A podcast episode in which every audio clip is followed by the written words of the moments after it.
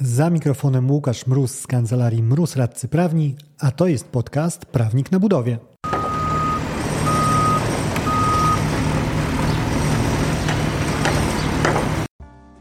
Witam w podcaście Prawnik na budowie. Dzisiejszym odcinkiem zaczynam miniserię, w której przedstawiam zasady, którymi kieruję się negocjując kontrakty budowlane.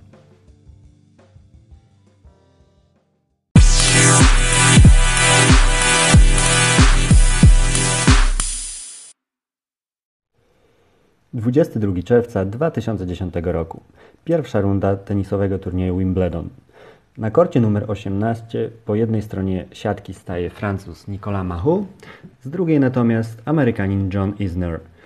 W powietrze leci pierwszy serwis z, jak miało się okazać, bardzo, bardzo wielu w czasie tego meczu. Po kilku godzinach o 21.07 spotkanie jest pierwszy raz przerywane z powodu późnej godziny.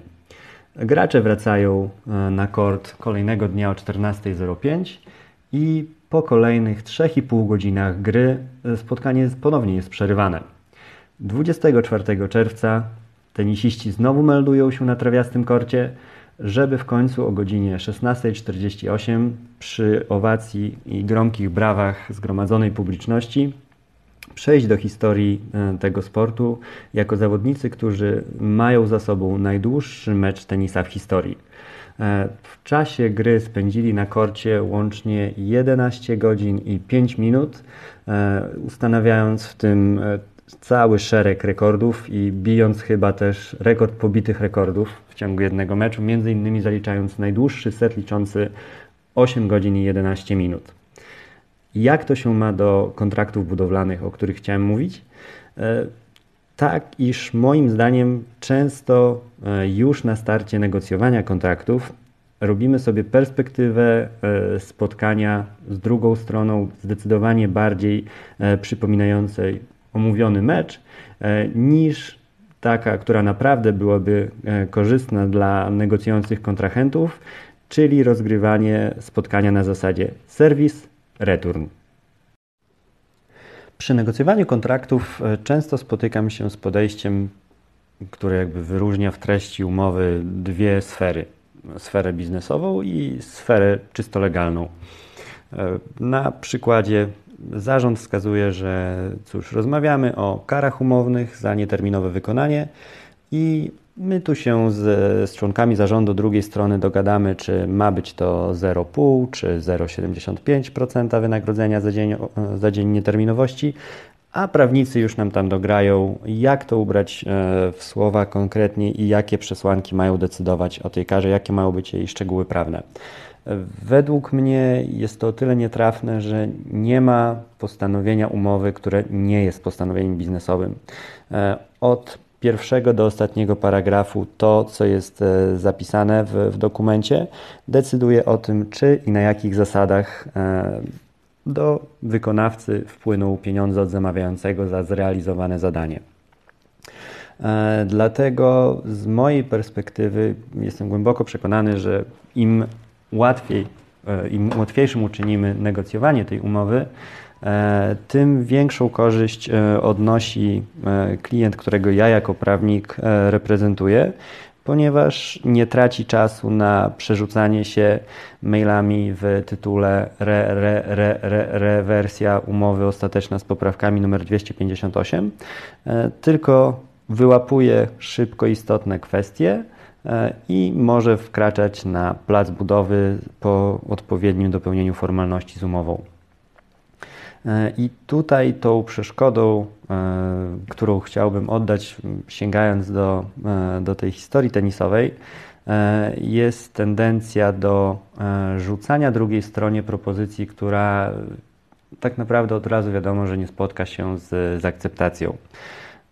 Przeciągamy kołdrę na łóżku w swoją stronę tak bardzo, że druga strona ma perspektywę tego, że nawet kostek nie przykryje sobie, e, żeby się ogrzać na noc. E, i w perspektywie zapewniamy sobie to, że w odpowiedzi na przedstawioną przez nas propozycję kontraktu osoba, która będzie e, go opiniowała z drugiej strony, czy to prawnik, czy też nawet jeżeli zajmie się tym sama sam management jakiejś spółki wykonawcy nie, nie przyjmie tego i przedstawi swoje propozycje. Jeżeli będziemy mieli mało szczęścia, to przedstawi również je w takiej wersji najkorzystniejszej dla siebie, licząc, że dobra, to wyjdziemy z taką propozycją przeciągniętą w naszej stronie i co się z tego urwie, to nasze. E, według mnie nie jest to najlepsza e, praktyka i może mm, też dla uzmysłowienia mm, przerzućmy to na jakiś przykład e, placu budowy i kontraktu z nim związanego. Powiedzmy na przykład kary umownej za odstąpienie. Zamawiający w swojej wersji umowy podwykonawczej, którą przekazuje e, swojemu hipotetycznemu podwykonawcy, e, zawarł postanowienie, że w przypadku odstąpienia przysługuje mu kara umowna w wysokości 30% wynagrodzenia, jeżeli odstąpienie następuje z powodu okoliczności niezawinionych przez tegoż zamawiającego. E, dodatkowo, jeżeli dochodzi do takiego odstąpienia, E, wykonawcy nie przysługuje wynagrodzenie za roboty wykonane przez niego do momentu odstąpienia. E, temat, cóż, wydaje się oczywisty mnie oraz sądzę, że w ten sam sposób byłby odbierany przez każdą osobę, która dostanie taką propozycję, mianowicie, że jest to nieakceptowalne. Więc od razu wchodzimy na przerzucenie się już co najmniej raz wersją umowy z szerokim komentarzem i propozycją zmiany. I dajmy na to, że z drugiej strony, e, ze strony potencjalnego podwykonawcy, jest osoba, która pomyślała: OK, skoro tak się bawimy, to my też e, zaproponujemy wersję, która jest e, mega nierealistyczna i mega korzystna dla nas.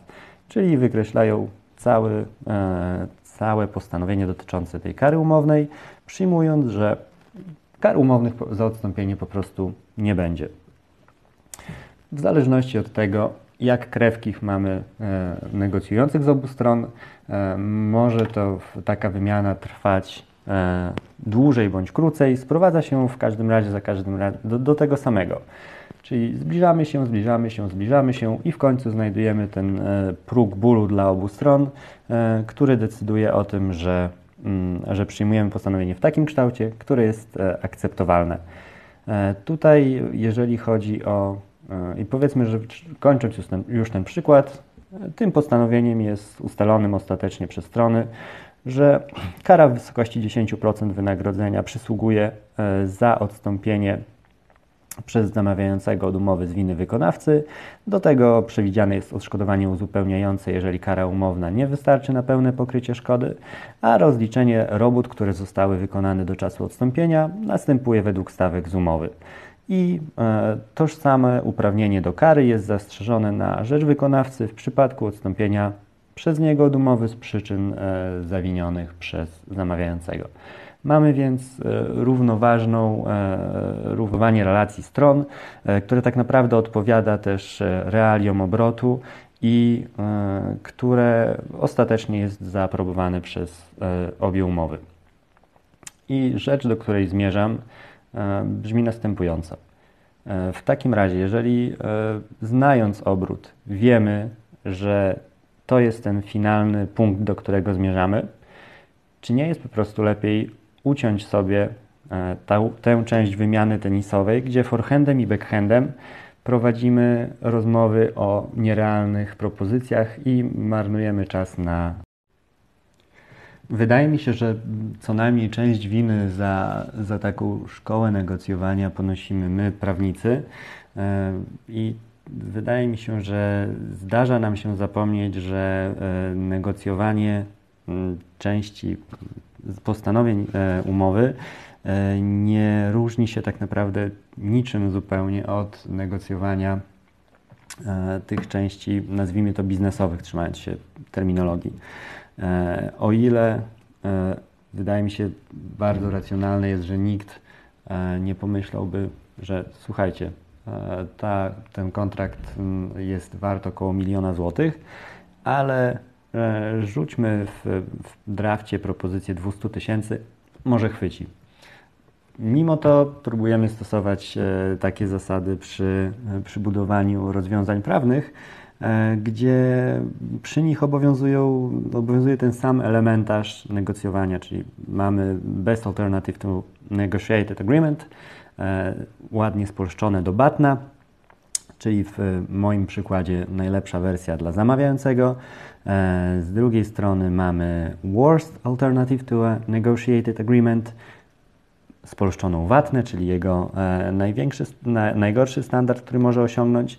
No i gdzieś pomiędzy nimi wspólny grunt, który, który zrównoważy interesy zarówno zamawiającego, jak i wykonawcy. To, co ja sugeruję w swojej praktyce klientom i co podaję Państwu rozwadze, to nie, nie upychanie kolanem w kontrakcie batny, jeżeli chodzi o, o zasady współpracy stron. Z banalnego powodu wszyscy jesteśmy no, dorosłymi ludźmi i należy się spodziewać, że jeżeli widzę coś, pisząc, jeżeli wpisuję coś do umowy, co widzę, że sam nie przyjąłbym tego z otwartymi ramionami, tej samej reakcji należy spodziewać się z drugiej strony. Więc w moim odczuciu zdecydowanie bardziej rozsądnym jest już wyważanie interesów stron na etapie wysyłania umowy, z tego względu bardzo prostego, że e, i tak nie przejdzie ta opcja, e, w której nazywając rzeczy po imieniu chcemy bardzo wycisnąć e, swojego kontrahenta. Nikt nie lubi być wykorzystywany w, czy czuć się wykorzystywanym w relacjach umownych.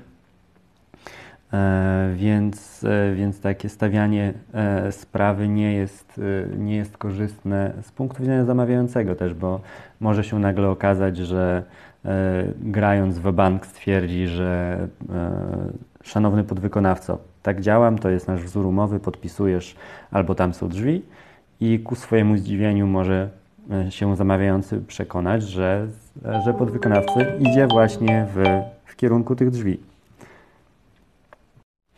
Podsumowując, według mnie nie ma realnych korzyści w zagrywaniu serwisu umownego w taki sposób, iż przedstawiamy wersję, która już na starcie w naszej ocenie oraz e, z perspektywy realiów obrotu jest nie do obrony w myśl zasady e, ok, troszkę z tego zejdziemy i tak wyjdzie na nasze.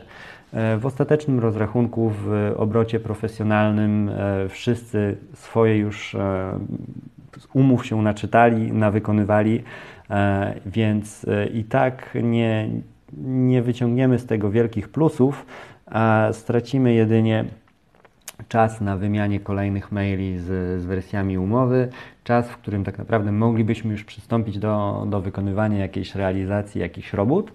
E, I bądźmy szczerzy, nie wygląda też to zupełnie profesjonalnie, jeżeli e, dostajemy właściwie no, koncert życzeń w umowie pod tytułem Tak byśmy chcieli, żeby było, kiedy od razu wiadomy, wiadomym jest, że, e, że ten kształt zaproponowany w pierwotnej wersji i tak jest nie do utrzymania i zdają sobie sprawę z tego obie strony. Także z, całym należytym, ogromnym szacunkiem do tytanicznego wysiłku, który na korcie zostawili Nicolas Mahu i John Isner. E, raczej zostawmy, e, zostawmy taki sposób prowadzenia rozgrywki profesjonalistom na Wimbledonie i historii tenisa. E, sami natomiast trzymajmy się raczej wzorca niedzielnego zawodnika, który jest w stanie zaserwować, piłkę nad siatką, e, zwrócić ją returnem, ale po tym jego umiejętności wyrafinowanych forehandów, backhandów e, raczej nie pozwalają mu na wielogodzinne prowadzenie rywalizacji. Także ustalmy to, na czym, na czym, chce, na czym nam naprawdę zależy, tak żeby druga strona mogła do tej realnej propozycji odnieść się w równie realny sposób i żebyśmy mogli klepnąć to wszystko w dziale prawnym i wchodzić z pracą na budowę. Tyle w pierwszym odcinku. Dzięki za uwagę i do usłyszenia w kolejnym. Dzięki za odsłuchanie tego odcinka. Jeżeli chcesz się ze mną skontaktować, możesz napisać na biuro małpa albo zadzwonić na 577 665 077. Znajdziesz mnie też w mediach społecznościowych. Na LinkedIn jako Łukasz Mróz, a na TikToku, Facebooku i Instagramie jako Prawnik na Budowie.